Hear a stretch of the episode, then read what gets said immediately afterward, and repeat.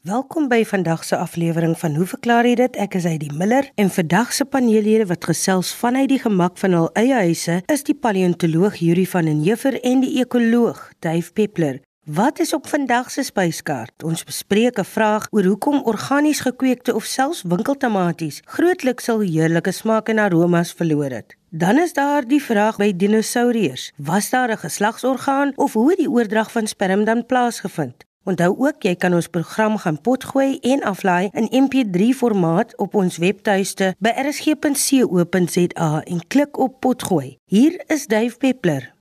Dag Heidi, Dag my kollegas en luisteraars. Ons het 'n e-pos ontvang van Jan Koetser van Durban wat 'n baie eenvoudige vraag vra. Hy sê: "Hoekom het deesdae se organies gekweekte tomaties of winkeltomaties myns insiens grootliks hulle heerlike geur en aroma van vroeër verloor?" Dit gaan hier natuurlik oor die sleutelwoord organiese boerdery in uh, opgestel teenoor die goed wat ons nou standaard in supermarkte koop. Nou kom ons kyk 'n bietjie na organiese boerdery. Ons hoor gereeld ek altans dat groente en vrugte vandag nie meer smaak soos in die ou tyd. Nou ja, dis maar 'n funksie van oud word of of ouderdom. Maar toe ek 'n kind was in Robertson in die 1950s, was elke tuin en bykans elke boerdery organies. Daar was geen ander manier om te boer nie. Ek uh, het gehoor by die legendariese veearts Dr. Joop Maree toe hy in die 50's in Stellenbosch begin werk het, het elke druiweboerdery hun varkhok gehad met hoenders wat daar inloop. Met ander woorde, daar was 'n groot lot mis en die, uh, hulle het natuurlik oorskiet kos geëet En elke jaar is hierdie mis dan in die wingerd ingery. Dit was die bemesting, daar was nie kunsmis nie. En so onthou ek natuurlik ook tuine van wel eer met 'n hoenderhok, met 'n komposhoop, met mollem um oor die beddings en baie belangrik met wisselbou. Jy het nooit tomaties op dieselfde stuk lappie aarde geplant nie. Dit was tomaties dan was dit aardappels, daarna eiervrugte en dan wortels en dan weer tomaties. Maar deesdae begin organiese boerdery sy kop uitsteek. Dit is nog steeds 'n nismark. Daar is so in die orde van 70 miljoen hektaar waarvan die helfte in Australië is. Die oorsprong van uh hierdie nuwe manier van boerdery het hier in die vroeë 20ste eeu begin en uh, het begin met 'n nuwe manier van verbouing. Sedert die 1990s het organiese boerdery dramaties toegeneem, veral in Amerika en ook in Australië en daar is werklik baie sterk markte. Nou, wat maak uh, organiese boerdery enigstens verskillend van standaard boerdery. Eerstens, hulle bemes met natuurlike bemesting. Met ander woorde, dit is dieremis, hoendermis, vark, perdemis en ook beenmeel as dit kom by fosfate. Hulle beheer wel peste, maar slegs met organiese gifmiddels soos piriteen byvoorbeeld. En natuurlik iets wat ons almal ken, ek onthou dit uit my kinderdae, swaal. Jy het die tomaties geswaal, die die lappie wingerd is geswaal om swamme so te beheer. Vir duisende jare boer ons organies reg deur die geskiedenis as mens dink aan die aan die Nylvlakte aan Indië die groot boerderylande van die wêreld maar hier in die mid 1800s het kunsmatige kunsmis met ander woorde kunsmis vir die eerste keer um gemaak in Europa en natuurlik die groot keerpunt in terme van gifstowwe in 1945 of na na die Tweede Wêreldoorlog het sintetiese gifstowwe natuurlik uh, op die mark gekom. Een van die belangrikste publikasies dink ek in die wetenskap, alhoewel dit nie suiwer wetenskaplik was nie, was die 1962 boek van Rachel Carson's uh, met die naam van Silent Spring waar sy vir die eerste keer uitgelig het dat die uh, effek van DDT op die afname in die uh, bevolkings van swerfvalke, die peregrine falcon en daar het groot rooi vlae natuurlik opgegaan en dit het duidelik uitgespeel en uitgespoel in uh, gebeurtenisse soos die uh, Woodstock pop fees van 1969 waar Joni Mitchell en die mense begin sing het van Big Yellow Taxi give me spots on the apples but leave me the birds and the bees en dit het natuurlik toe in die in die gewilde jeug kultuur ingesypel en daar het organiese boerdery ook 'n baie sterk hulpstoot gekry. Nou ja, vandag is dit in Nismark nog steeds en baie klein in Suid-Afrika, maar dit gaan hoofsaaklik oor grondbestuur, oor organiese materiaal verhoog in die grond om grond meer te deurlig, om te molm te gebruik om onkruid te beheer en natuurlik maniere om peste te beheer. Nou ja, ons kan dit gebeur deur bufferstroke aan te bring, deur rotasie, voorheen gesê dat ons nie dieselfde ding op dieselfde stuk grond plant nie om meganiese insekvalle te maak en natuurlik dan ook indien nodig organiese gifstowwe te gebruik. Met diere raak dit 'n bietjie meer kompleks hoenders, varke, beeste in dat um, ons deesdae baie streng veiligheid uh, of of sanitasiewette het wat beteken dat daar geen um siektes in die diere moet wees nie. En hier is daar toegewings in die organiese boerdery dat siektes wel met moderne medisyne behandel moet word, maar om dit so tydig as moontlik te probeer doen. En mense dink veral hier aan varke wat geneig is om lintworm infeksies te hê en dit moet sekerlik beheer word. Vir my een van die mooiste voorbeelde van die sukses van hierdie tipe boerdery is 'n uh, 'n uh, ekstudent Johan Reyneke wat 20 jaar gelede hier in Stellenbosch besluit het om sy wynboerdery 'n klein plaasie organies te bedryf. En ehm um, ek en Johan het lank gesels en ek het gesê jy gaan jou vingers verbrand en dit gaan moeilik wees, maar hy was koppig en het geglo in wat hy doen. En so 20 jaar gelede eksperimenteel was daar 'n klein lappie pinotage onthou ek naby die kantoor en hy het toe alle behandeling, alle gifstowwe, alle swaal, alles weggeneem.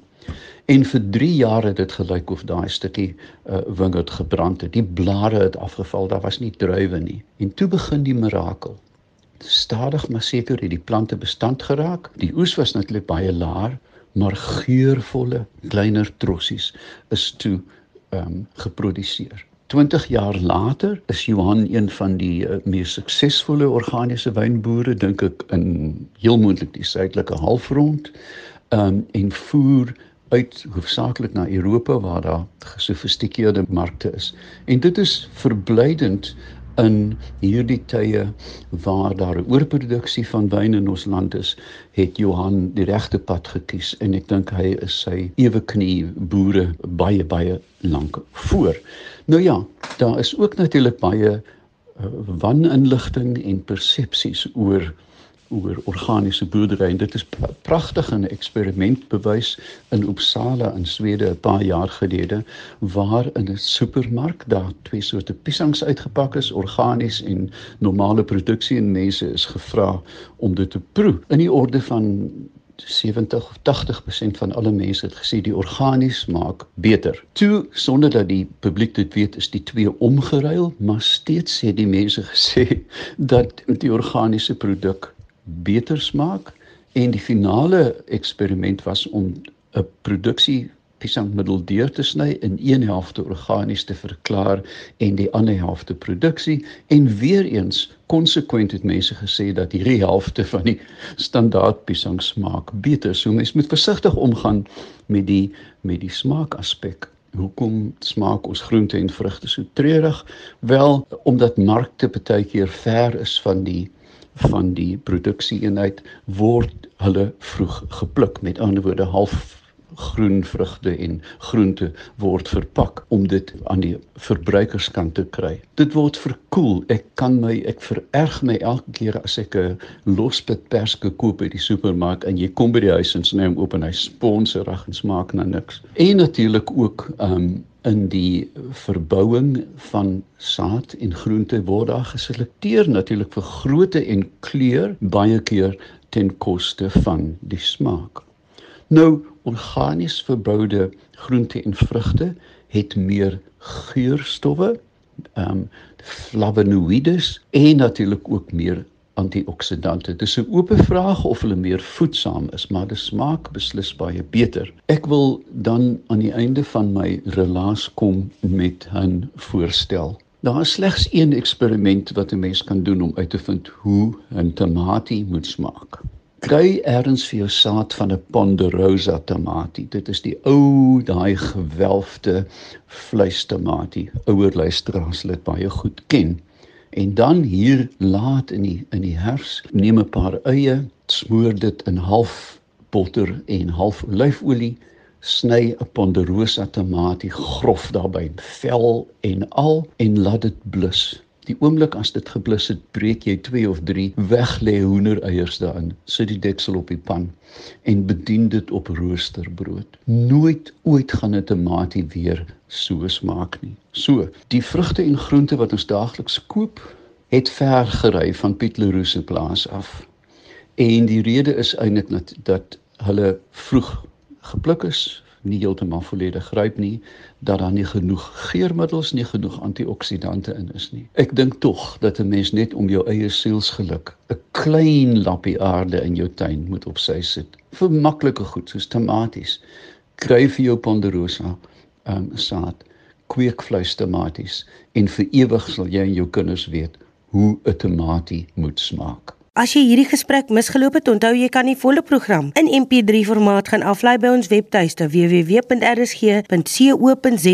Klik op potgooi en soek onder hoe verklaar jy dit. Maar hier is Yuri met sy verklaring. Goeiemôre Heidi, kollegas en luisteraars. Ons het 'n navraag van een van ons gereelde luisteraars, te wete Kas Hamman van die Parel ontvang. Hy is nuuskierig oor voortplanting by dinosourus en wil weet of seker is onder hulle met behulp van 'n penis gepaar het en voortvloeiend daaruit het voels uit 'n groep dinosourus ontstaan wat bloot kloaakkontak gebruik het vir die oordrag van sperm. Kas, soos jy wel weet, is die probleem dat ons hier te doen het met fossiele en versteende geraamtes verskaf nie veel inligting oor die algemene seksuele aktiwiteite van dinosourus nie. Die anatomie kan wel fisiese aspekte soos seksuele dimorfisme, voedselkeuse, liggaamsbou, beweging en kinetiese aspekte van die skedel uitlig, maar is grootliks stom oor die manier waarop hulle gekopuleer het. Om meer uit te vind oor hulle seksuele gedrag kan er egter van 'n hele klomp naverwante en bekende inligting gebruik gemaak word. Ons kan met die aanname begin dat baie dinosourus waarskynlik wel penisse besit het.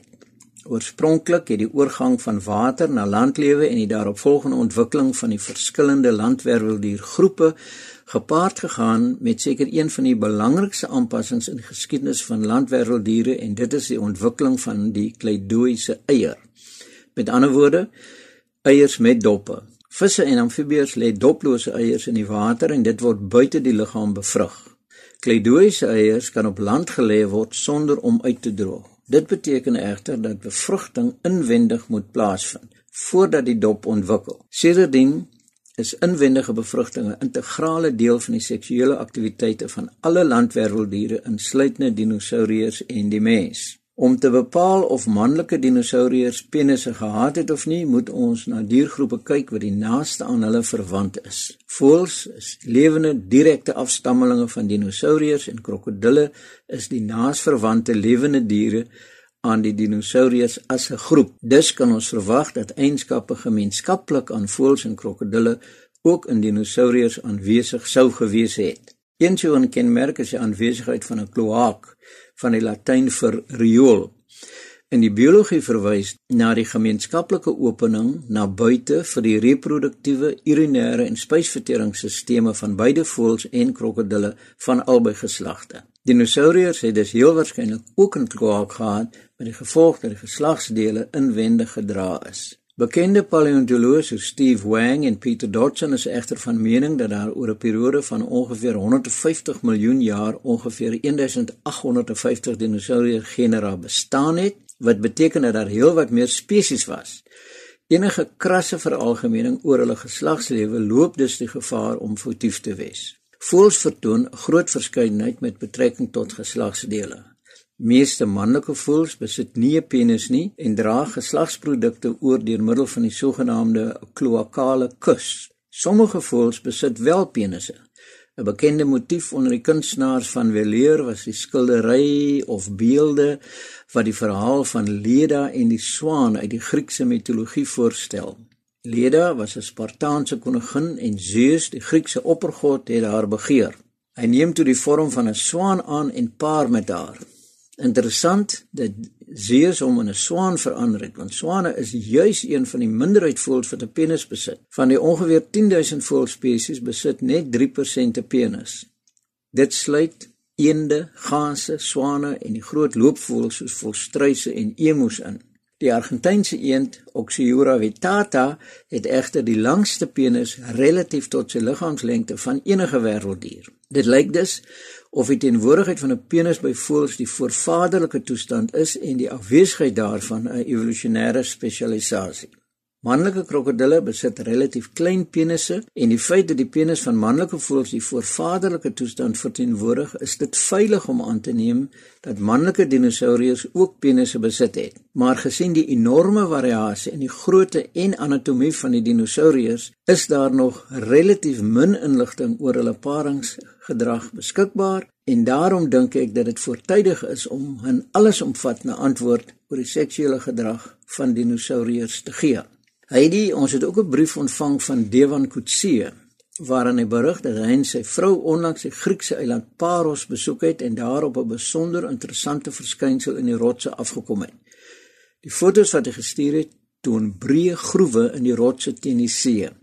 Dit is duidelik mensgemaak en lyk nogal soos die destydse munisipale sementwatervore of slote wat ons in platlandse dorpe langs die strate gehad het. Inwoners het dan elke leibeers gehad wat tydens water uit die soort afgekeer is om elkeen se tuin nat te lê. Die verskil is egter dat op Paros daar 'n hele aantal van die slote parallel langs mekaar geleë is.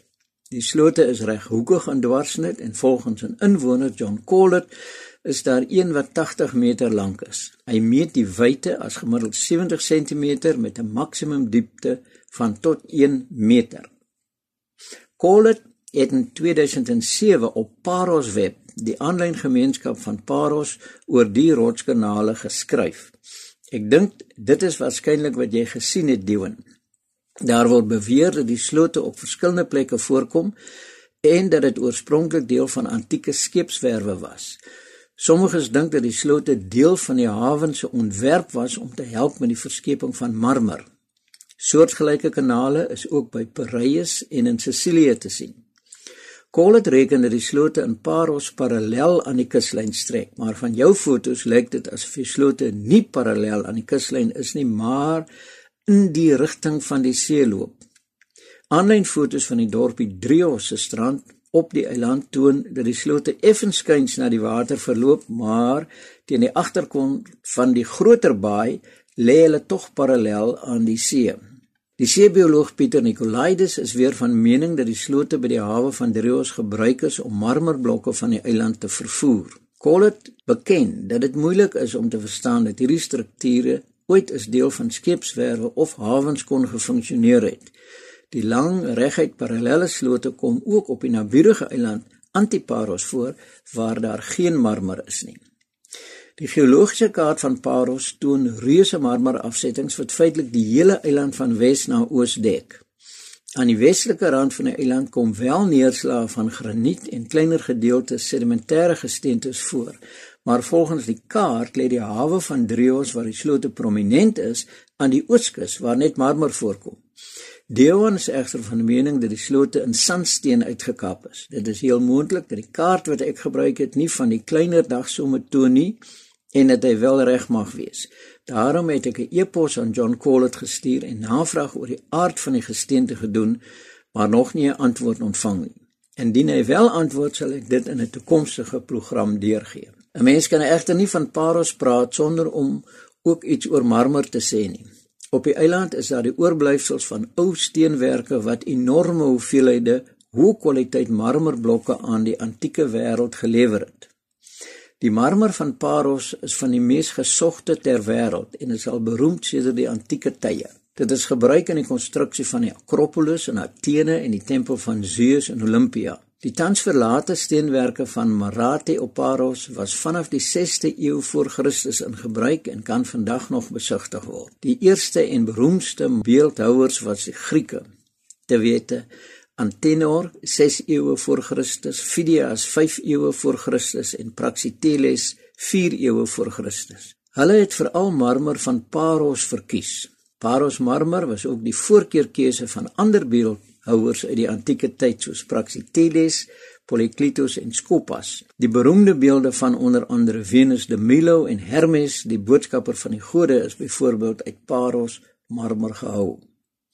Geen marmer is deursigtig nie, maar daar word gesê dat die marmer van Paros deurskynend is. Dit beteken dat 'n mens 'n paar millimeter in die klip kan insien. Lig kan dus die klip penetreer en so die estetiese waardering van die beeld verhoog. Dankie aan Yuri van den Heever en Dave Peppler. Hier is ons posadres. Hoe verklaar jy dit? Posbus 2551 Kaapstad 8000 of stuur vir my 'n e e-pos na heidi@rsg.co.za. Ek groet jou tot aanstaande week.